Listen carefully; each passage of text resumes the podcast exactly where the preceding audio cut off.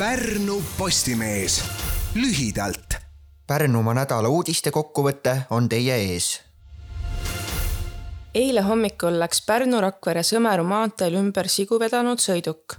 õnnetus juhtus, kui loomi transportinud veok proovis vältida tagant otsasõitu kaubikule, mis hakkas sooritama vasakpööret Leplaane teele otsasõidust hoidumiseks veok pidurdas ja proovis hoida tee äärde, kuid vajus kraavi ja paiskus ümber õnnetuspaika tõttasid nii pääste, politsei kui ka Põllumajandus- ja Toiduamet.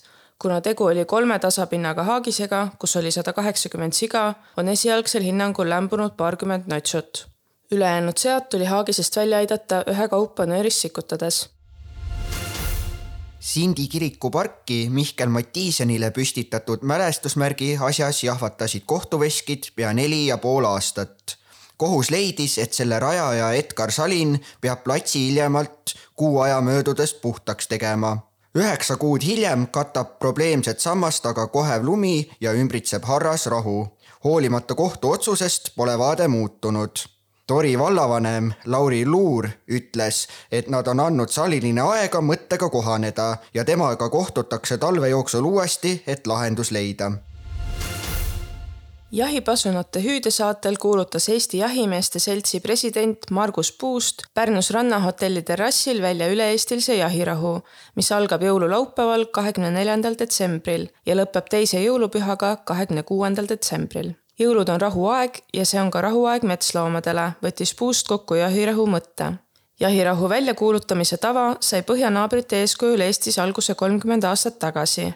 Pärnus kuulutati jahirahu viimati välja kümme aastat tagasi Pärnumaa Kutsehariduskeskuse juures avati eile pidulikult õppeväljak, mis võimaldab välitööde elektrikuid koolitada. kui traditsiooniliselt avatakse objekte lindi lõikamisega, siis elektrikute õppeväljakul ronis elektriposti otsa elektrik, kes süütas seal kuusetuled kuna praegu on Eesti jaotusvõrkudes puudu nõuetele vastava koolitusega elektrikutest ja enne selle väljaku valmimist oli Eestis vaid üks õppekoht Tallinna lähedal, on jaotusvõrkude töökindluse tagamiseks tegu märgilise sündmusega. Häädemeeste vald tähistas sünnipäeva ja tänas tublisid inimesi noorim osaleja Häädemeeste valla kuuenda aastapäeva tänuüritusel Uulu kultuuri- ja spordikeskuses oli kuueaastane Liisbet ja vanim sajaaastane Arkadi. sünnipäevapeol anti üle valla tunnustused, neist kõrgeima valla aukodaniku tiitli pälvis Enn Tasalain.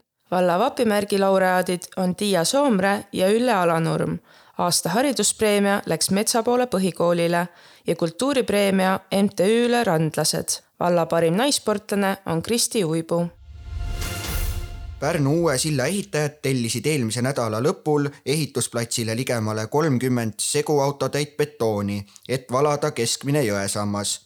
betoneerimistööd kestsid kokku kümme tundi ning keskmise sillasamba valmimiseks kulus umbes kakssada kuupmeetrit betooni kauaoodatud silda ehitatakse lepingu kohaselt kakskümmend kaks kuud ja see peaks valmima kahe tuhande kahekümne viienda aasta kevadeks